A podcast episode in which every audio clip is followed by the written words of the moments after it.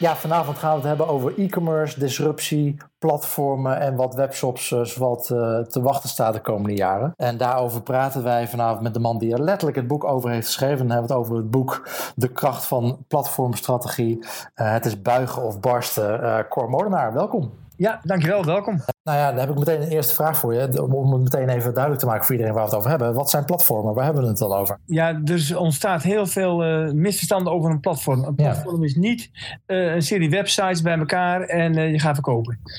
Waar ik met name over praat zijn zogenaamde multi-sided platformen. Het zijn ontmoetingsplaatsen waarbij vragers in feite aanbieders ontmoeten. Denk bijvoorbeeld aan Airbnb.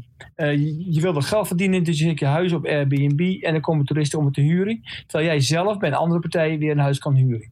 Dus dan zie je dat Airbnb is gewoon een tussenpersoon die vraag en aanbod bij elkaar brengt. Uber is ook zo'n platform. die brengen vragen van vervoer en aanbod van vervoer netjes bij elkaar. Dat zijn typische tweewegplatforming. Ja. Uh, Facebook is een tweewegplatform waar je continu informatie kunt doen en, uh, en daarover kunt gaan praten. Dus zo'n platform is heel duidelijk zo'n ontmoetingsplaats. Um, uh, Amazon is ook, een, is ook een, een platform. eigenlijk het mooie van een platform is dat ze geen deals tot stand brengen, alleen maar partijen bij elkaar gaan brengen. En dat is veel ingewikkelder, veel complexer dan, laten we zeggen, een marktplaats waar je alles bij elkaar zet. Maar de, de, de disruptie van die platformen is ook vele malen groter. Kijk, je ziet dat Airbnb, die valt de hotelwereld aan, Uber valt de taxiwereld aan. Nou, en dit gaat dus nu wereldwijd gebeuren. Nog sterker, het gebeurt. Ja, precies. Ja, dus we hebben het niet eens over. Uh, het hoeft niet alleen maar te gaan over, over e-commerce en over, over dingen verkopen. Met platform gaat het heel algemeen over mensen en diensten samenbrengen. Precies. Eigenlijk, eigenlijk doet je bouwt een netwerkorganisatie op. En, en, eh, eh, en jij zit in het hart van de netwerkorganisatie. En dan koppel je vraag en aanbod aan elkaar. Oude partijen zitten nog in een transactiemodel. Hebben ze kopen ze ons producten.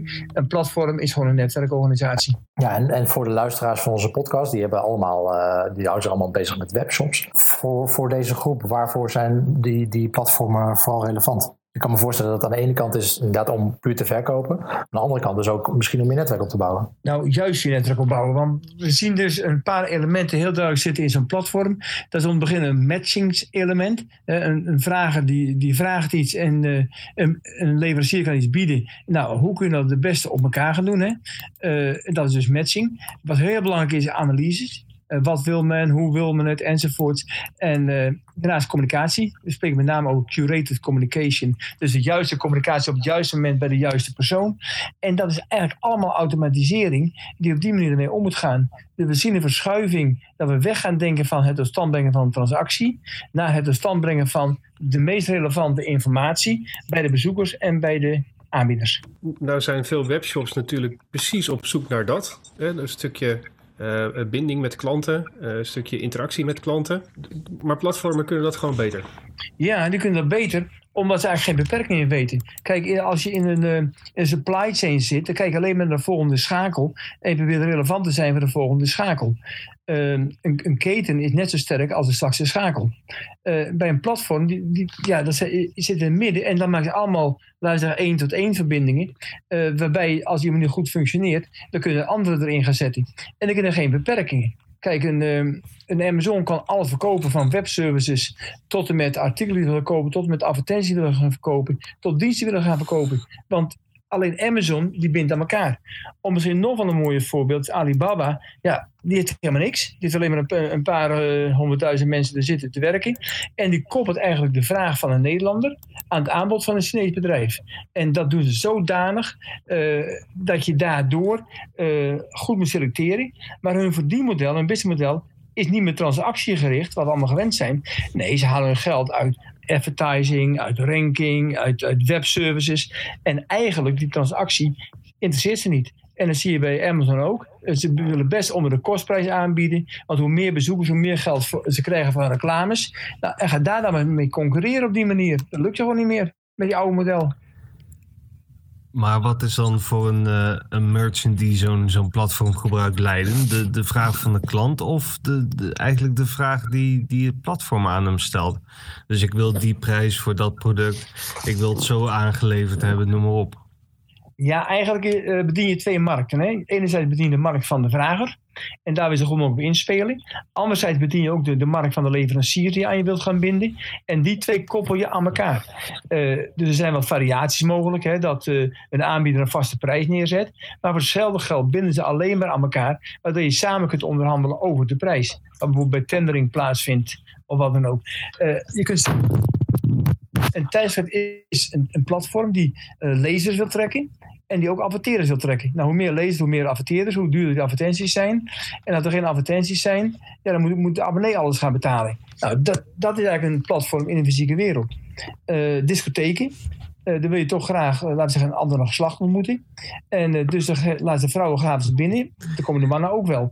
En dan ontmoet je elkaar en dan vindt er een proces plaats. En dan vragen ze geld op met toegangsprijzen of op andere manieren. Nou, dit gaat dus nu volop online gebeuren. En dat zijn dus totaal andere modellen dan we gewend zijn.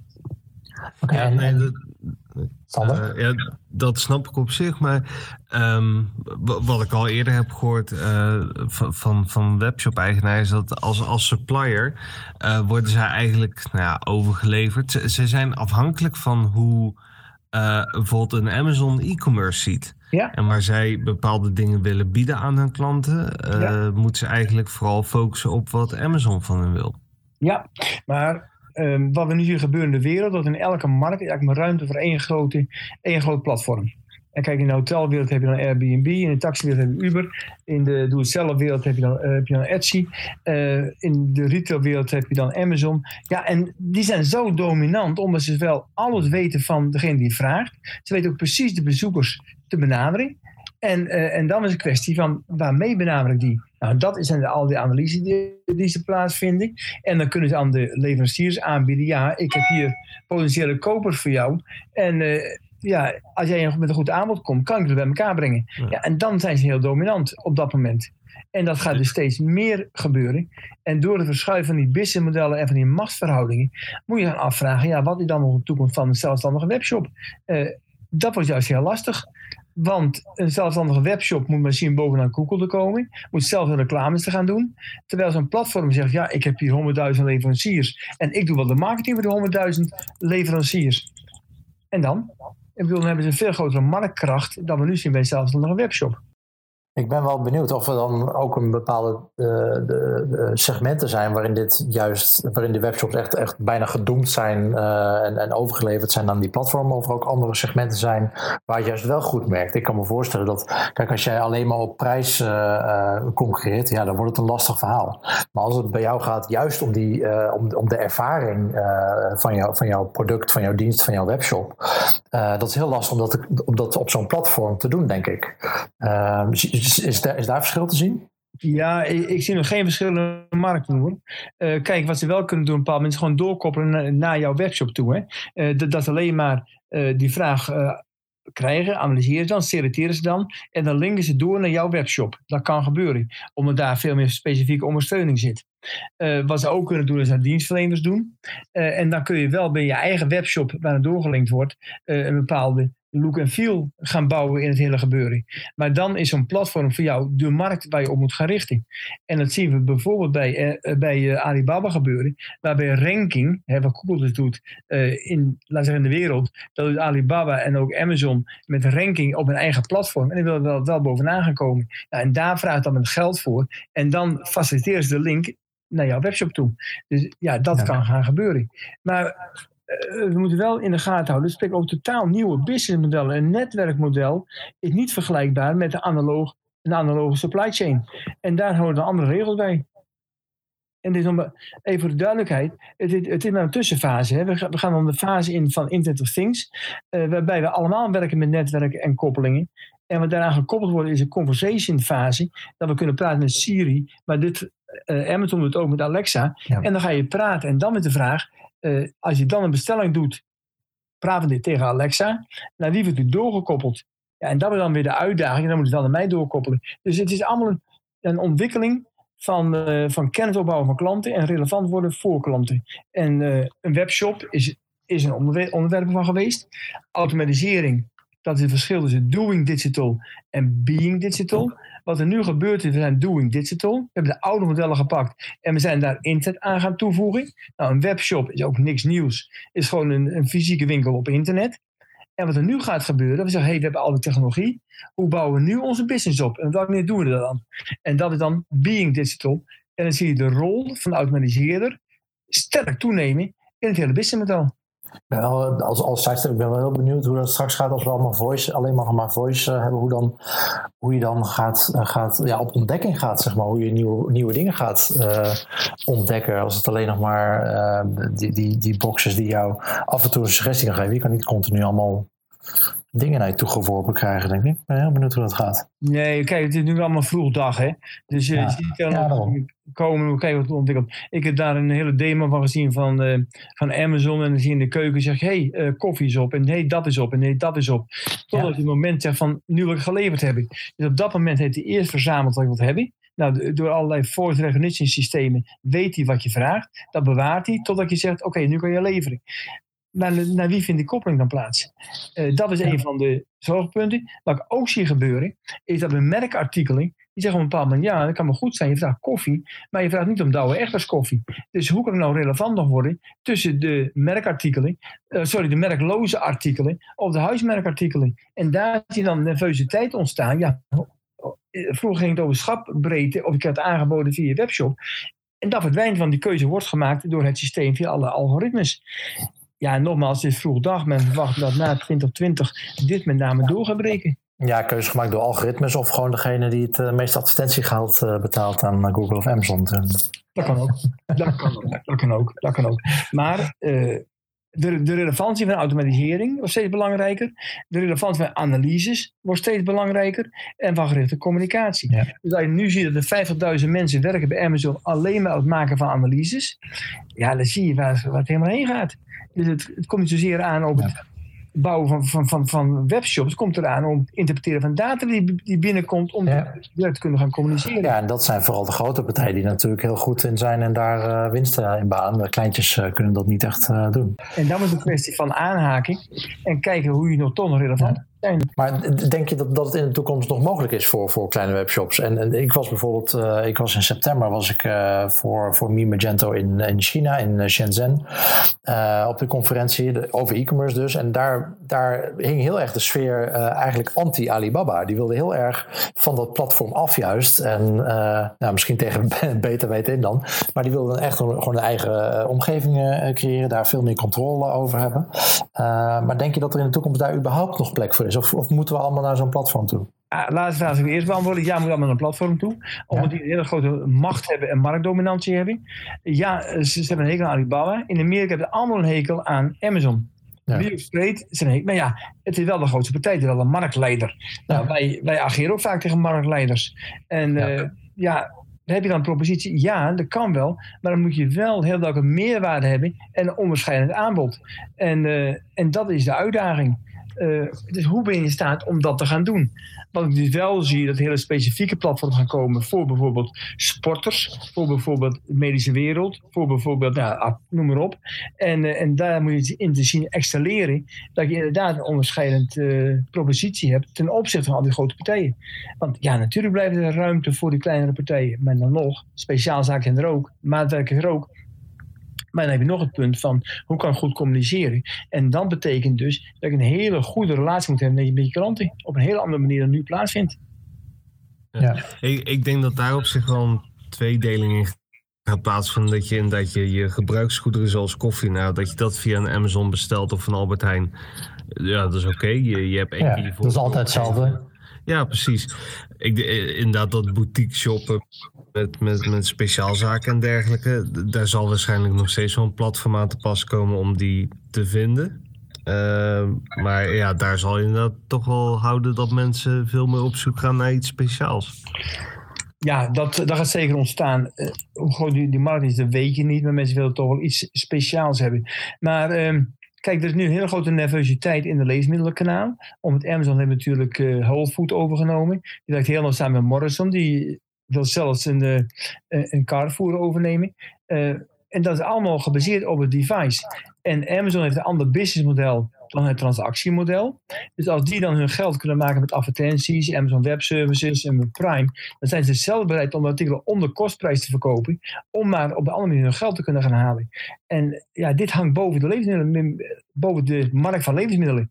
En ja, hoe kun je dan Albert Heijn of Delhaze of wie dan ook hiermee concurreren? En daar moeten we met z'n allen als bedrijf zijn er dan, een, eh, een visie over gaan ontwikkelen. Want zoals het was, wordt het nooit meer. En zoals het nu is, wordt het ook niet. Het is een tijd van disruptie, omdat klanten anders kopen.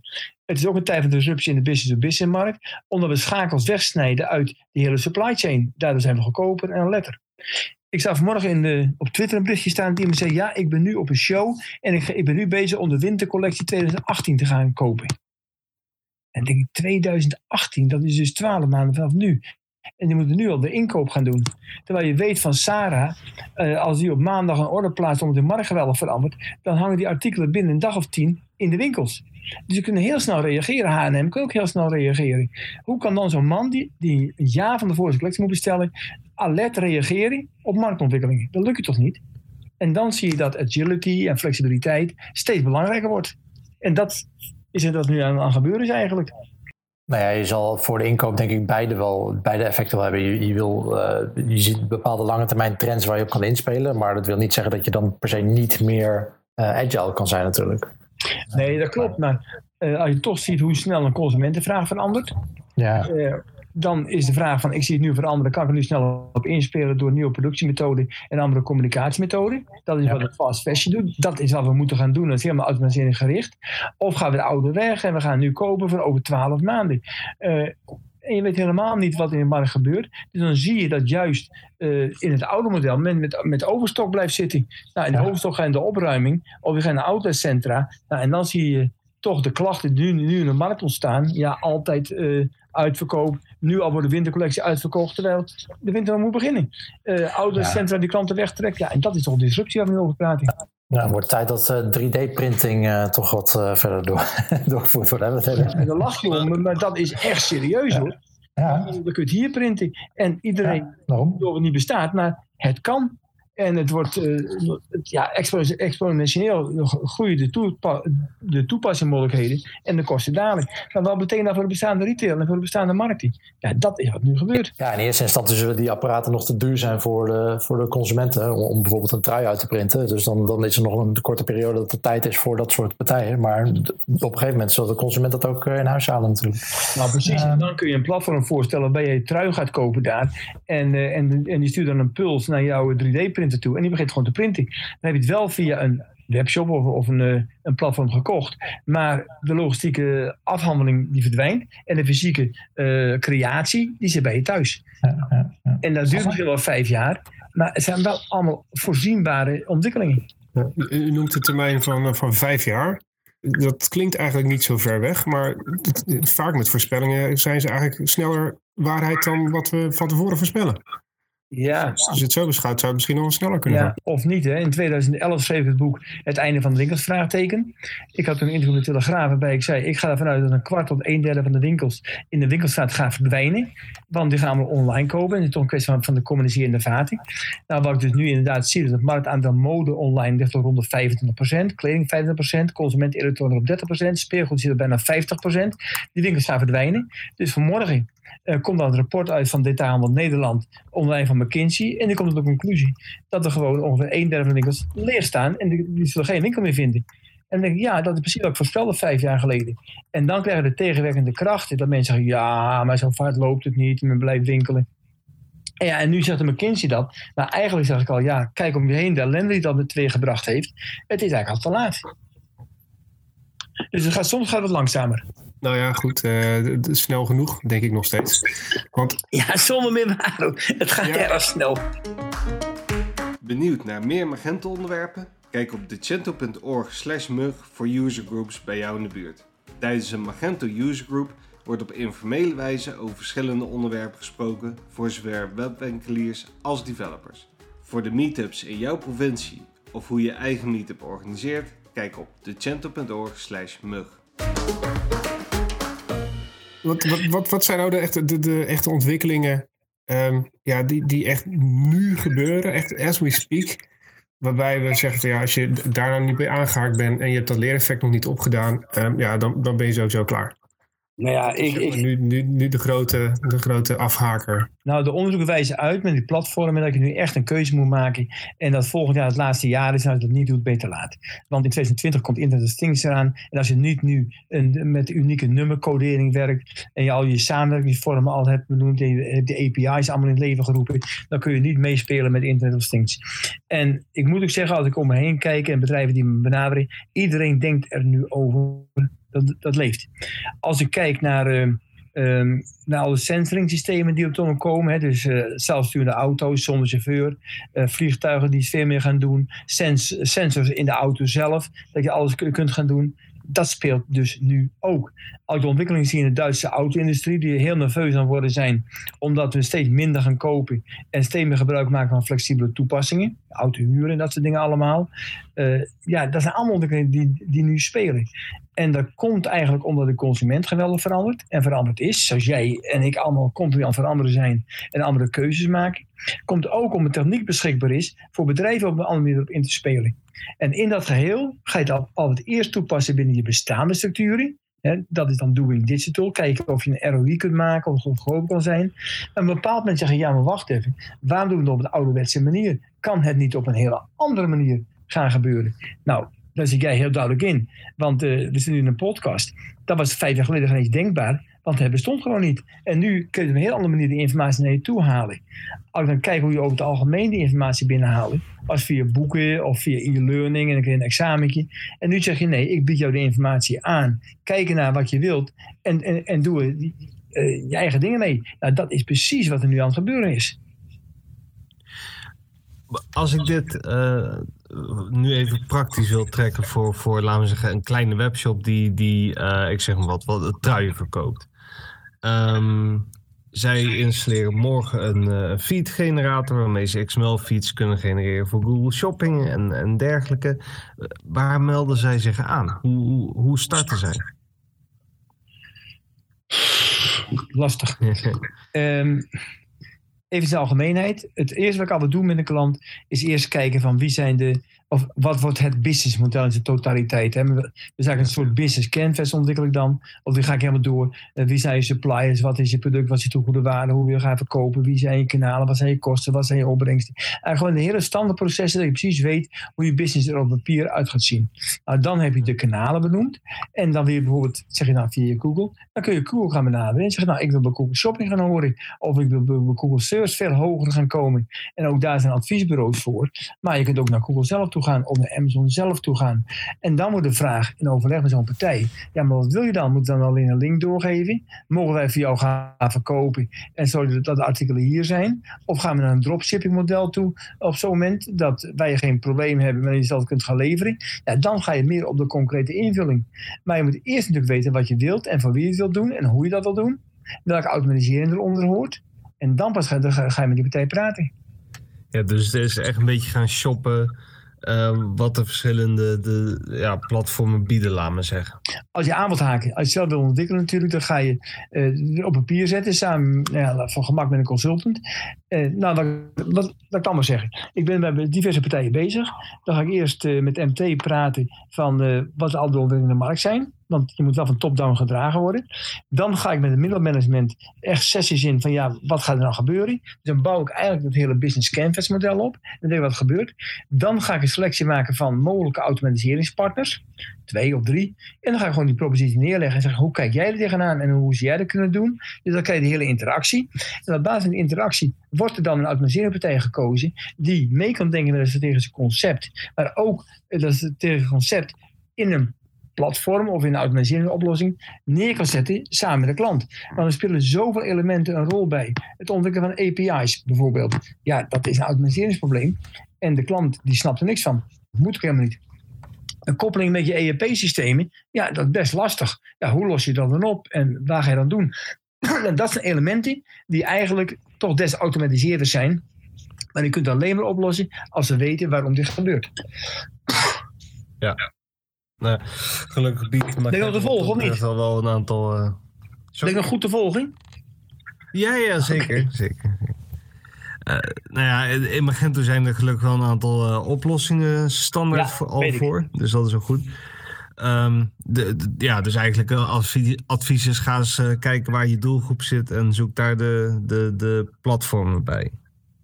Mag ik dat zo zeggen? Nee. Nee. Nee, andere- Kijk, ehm, jullie bieden een oplossing. Maar je moet wel weten waar je de oplossing voor biedt. Dus eigenlijk moet je eerst met eh consultancybureaus gaan praten. Of zelf een consult in gaan, in gaan eh, huren of wat dan ook. Die op dat moment eh, eh, die strategie kan gaan bepalen samen met de opdrachtgever. En als dat eenmaal gebeurd is, ja, dan ga je naar de oplossingen toe. Eh, wat ik vaak zie, dat eh, bij organiseringsbureaus, dat ze te, laag, te laat aan kunnen haken, omdat ze laag in de organisatie zit, zitten, en dat ze toch te start blijven bij hun eigen oplossing. En eigenlijk moeten ze wat strategischer gaan worden in hun oplossing. Dus niet denken over een webshop, nee, ze denken over een, een being digital, dus een, een digitale oplossing voor bestaande problemen. En dan moet je eigenlijk bij zo'n probleemontwikkeling betrokken zijn. Dus vandaar dat ik al in vrij vroeg stadium met eh, nou, partijen die we selecteren, die mijn klant selecteert, gewoon de, de, de hele strategische propositie neerleg. En zeg, nou, dit willen wij, hoe zullen we het op gaan lossen? En dat is dus een heel andere manier van samenwerking. Dan je zegt, ja, ik wil een webshop hebben, ik, ik ga handdoeken verkopen en eh, maak er het leuks van. En uh, by the way, moet payment service bij zitten, communicatie enzovoort. Dan word je te, in een te operationele rol gedrukt. En dat is een onterechte rol voor uh, nou, partijen die uh, vanuit Magento werken. Ja, is dat wel een beetje de dagelijkse business, moet ik eerlijk zeggen. Wat, ja, de ontwikkeling. De, ja. de, deze vraag beantwoorden van nou, ik wil graag een webshop, uh, handdoeken en ja. uh, nou, de, doe maar eens een onsje meer uh, payment service provider erbij en dan ja. een beetje iets met RMA's en dan is het wel klaar. En dan moet je dus een discussie gaan beginnen, dat ik in mijn boek ook gedaan heb, van ja jongens, dan kijken wat in de markt gebeurt. zie welke ontwikkelingen komen gaan en weet je wel wat een Airbnb doet en hoe disruptief het is, of een Uber of, of een Alibaba, noem maar op allemaal. En wat ga jij nu doen en wat wordt jouw toegevoegde waarde? En dan ga je afvragen, moet je wel een webshop hebben? Is dat wat je, wat je zoekt? Of zoek je misschien wel iets anders? Nou, die discussie, ja, die moet je gewoon gaan voeren. En dan haal je ze weg van het denken van een webshop. Want ik kom inderdaad ook steeds bij bedrijven die zeggen, ja, het gaat slecht in de winkel. We beginnen een webshop, want mensen kopen veel meer op internet. En mijn antwoord is dan, dus jij wilt nu gaan concurreren tegen Amazon en tegen Bol.com. Pak een beet, een duizend man op de marketing van Bol.com. En die, dan wil jij dan gaan concurreren in het uurtje s'avonds dat je toevallig een vrije tijd hebt. Catriel.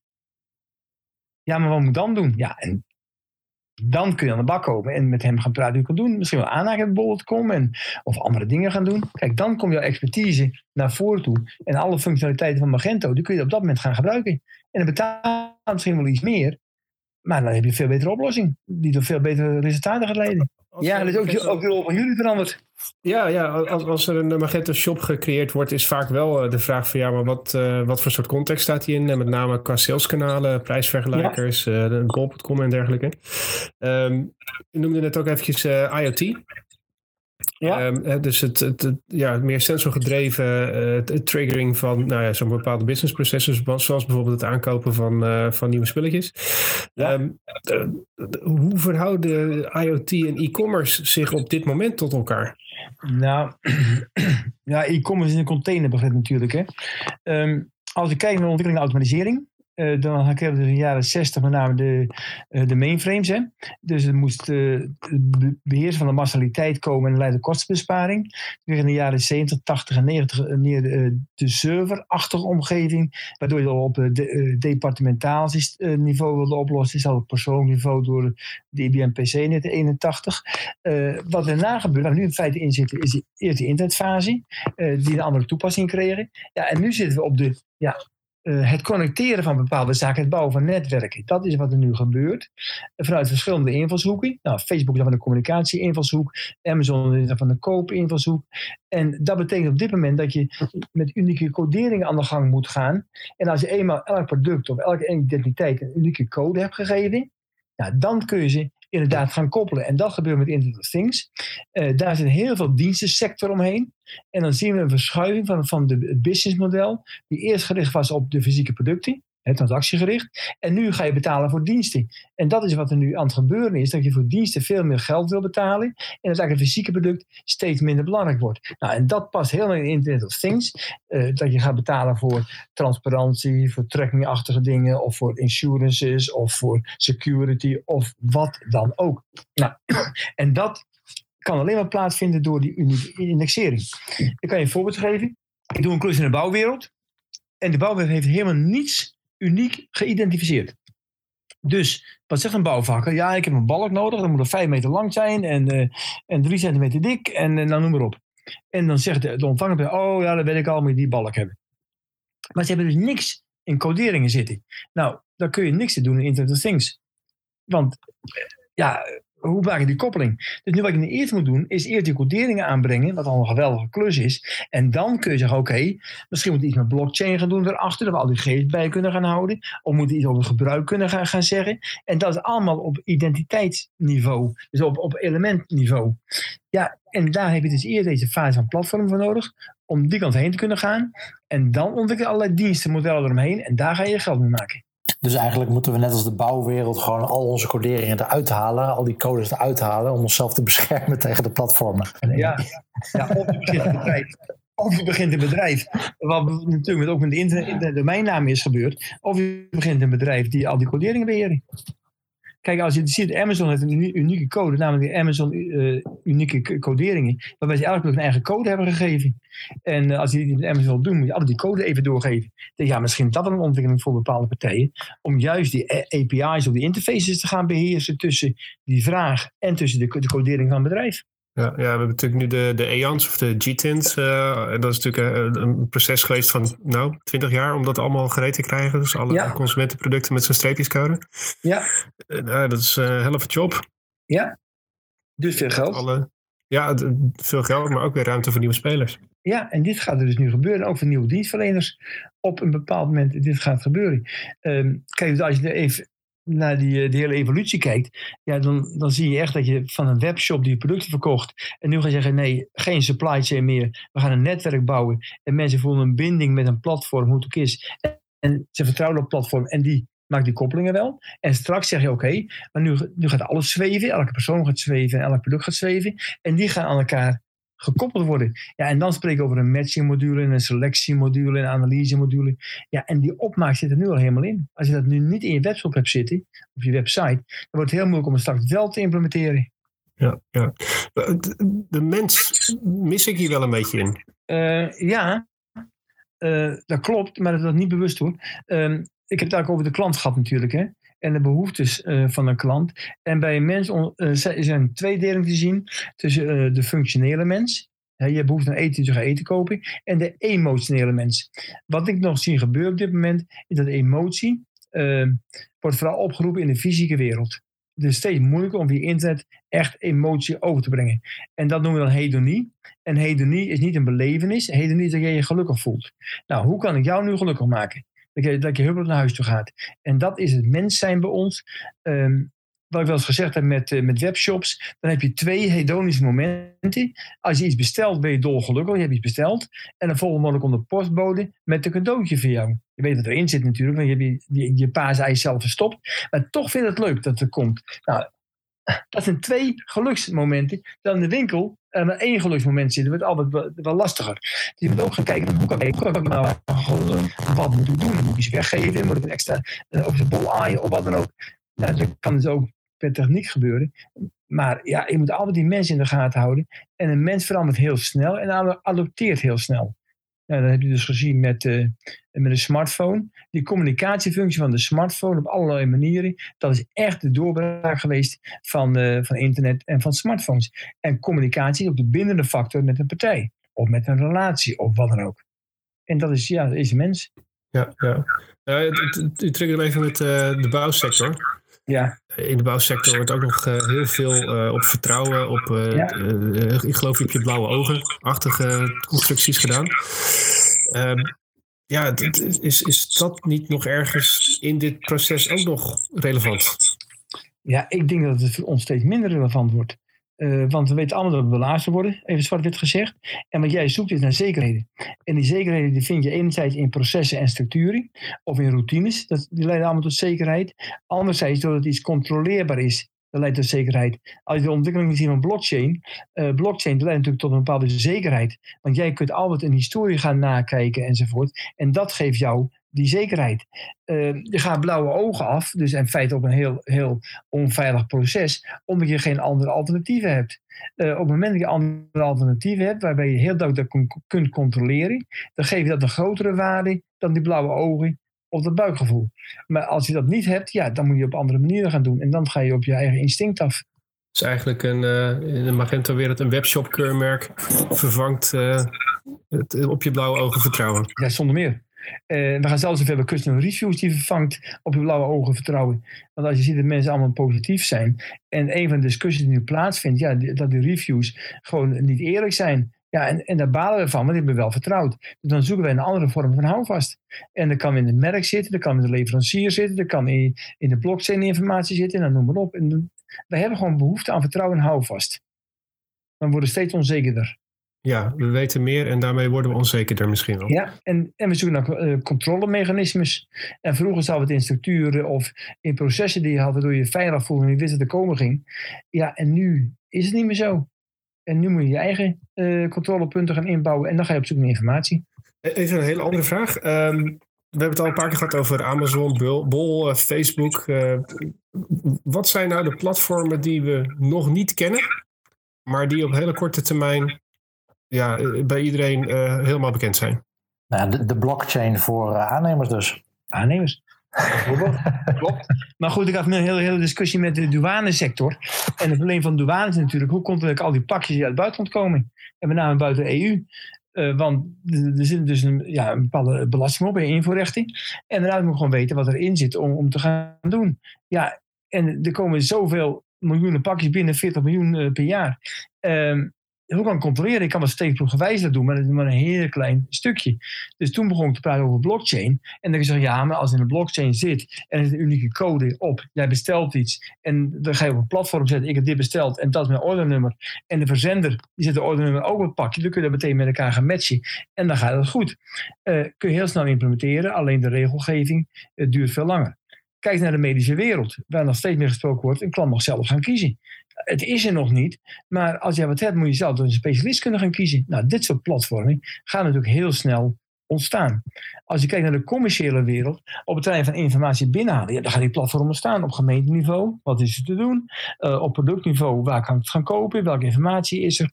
Uh, toeristen natuurlijk, dat is helemaal platformgericht. Ik verveel, me, ik verveel me rot. Wat kan ik gaan doen? Of ik ga naar Spanje toe en uh, wat is er toen in Spanje en waar moet ik zijn? Nou, in dat soort dienstensector of in de virtuele wereld, ja, die platformen die, die worden nu allemaal al gemaakt. Ja, die, uh, de, de, namen daarvan, uh, heeft u een paar pointers waar we eens een keertje naar moeten kijken? Nou, ik, ja, ik heb het heel veel in mijn boek gezet. Nou, in Trivago bijvoorbeeld, en Boek.com bijvoorbeeld. Strava, hè, voor sporters, ik weet niet of je dat kent. Ik ben zelf hardloper en ik heb een Garmin-horloge. Nou, die houdt netjes bij mijn hartslag, mijn tempo, mijn route enzovoort allemaal. En die laat door naar Garmin toe. Het Garmin laat meteen weer door naar Strava. En Strava is een open platform waarbij honderdduizenden mensen hun informatie van fietsen en van hardlopen daar neerzetten. Dus ik heb volgers, vrienden van mij. En die zeggen, oh, goed gedaan. Of heb je daar aan gedacht? Of heb harder gelopen enzovoort. Nou, die weten al die informatie van die sporters. En die kunnen dan op dat moment relevant zijn om races aan te bieden. Of bepaalde schoenen aan te bieden. Of nieuwe horloges aan te gaan bieden. Kijk, en dan ontstaat er een, een andere ontwikkeling. Om je gaat dingen met elkaar wil gaan delen. Vandaar wordt ook wel eens gezegd, de sharing-economie. Ja, dat is de platform. Nee, een sharing-economie is een onderdeel van een platform-economie. Omdat je dingen die je in je bezit hebt, kunt gaan delen. Kijk eens naar de ZZP'ers die allemaal op zoek zijn naar klussen. Ja, ga een werkspot staan of op een andere soort van werkspot. Waarbij je zegt, ik ben een accountant en ik heb ruimte voor klussen. Of jij zegt van jou goed uit, hey, ik zoek een accountant, ik zet er ook op.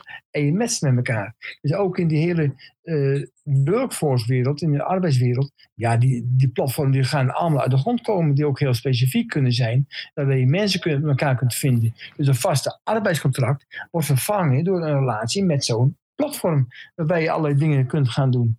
Uh, dus dit zie je op deze manier allemaal gaan gebeuren. Op dit moment al. Ik heb eigenlijk nog wel een, een soort laatste vraag. Het heeft meer met toekomst te maken, niet zozeer met, nou, misschien ook wel met platformen. Maar hoe, hoe zie je de rol van AI hierin, hierin groeien? Als ik praat over triggers en ik praat over processen en ik praat uh, dat het allemaal automatisch gebeurt, ja, dat is dat is allemaal artificial intelligence. We bouwen steeds meer kennis op van alles wat er gebeurt. Waardoor we van tevoren al dingen kunnen inschatten en tot bepaalde acties kunnen gaan komen. Als ik nu al hoor bijvoorbeeld dat Amazon zegt: Ik weet voor 70% zeker dat men volgende week gaat komen, kopen bij mij. Dan kunnen we het nu al gaan versturen naar een lokaal distributiecentrum, zodat ze heel snel kunnen gaan leveren. Uh, dus Kijk, wij zijn niet zo moeilijk. Alles wat we doen is voorspelbaar. En via pulses en triggers kun je dat gedrag een bepaalde kant heen laten leiden. Want wat er nu gebeurt. Um, vroeger zat je vast in een standaard proces. En nu laat je leiden door het moment. En het moment, dat is de omgeving die jou beïnvloedt. Op een bepaald moment om dingen te gaan doen. Dus je kunt die omgeving ook gaan sturen. Dat jij tot een bepaald gedrag gaat komen. En dan weet je wat er dus gaat gebeuren. Dus soms krijgen we steeds meer kennis van gebruik en van gedrag. En dan weten we ook steeds meer wat we verder moeten gaan aanbieden. Ja, dat is een vorm van eh, artificial intelligence.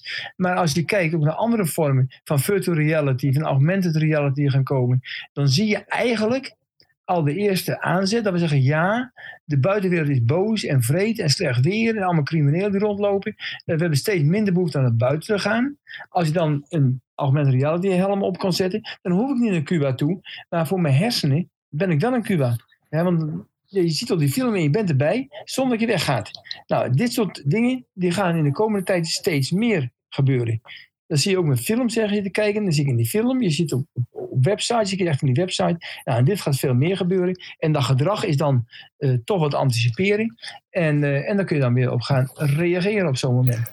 Een mooie, mooie Black Mirror aflevering of zo. ja, bijvoorbeeld. Ja, ja ik, denk, ik denk dat wel, dat best wel, uh, dat is niet alleen maar denk ik uh, voorbehouden aan de grote partijen. Ik bedoel, AI wordt, zijn best wel veel open source dingen. Er zijn best wel wat kleine partijen die daar hierin best wel ineens heel hard zouden kunnen groeien. Dus met, met TensorFlow, dat ook open source is. Uh, allemaal dat soort machine learning systemen die beschikbaar komen. Nou, onderschat niet de innovatiekracht van de jonge generatie.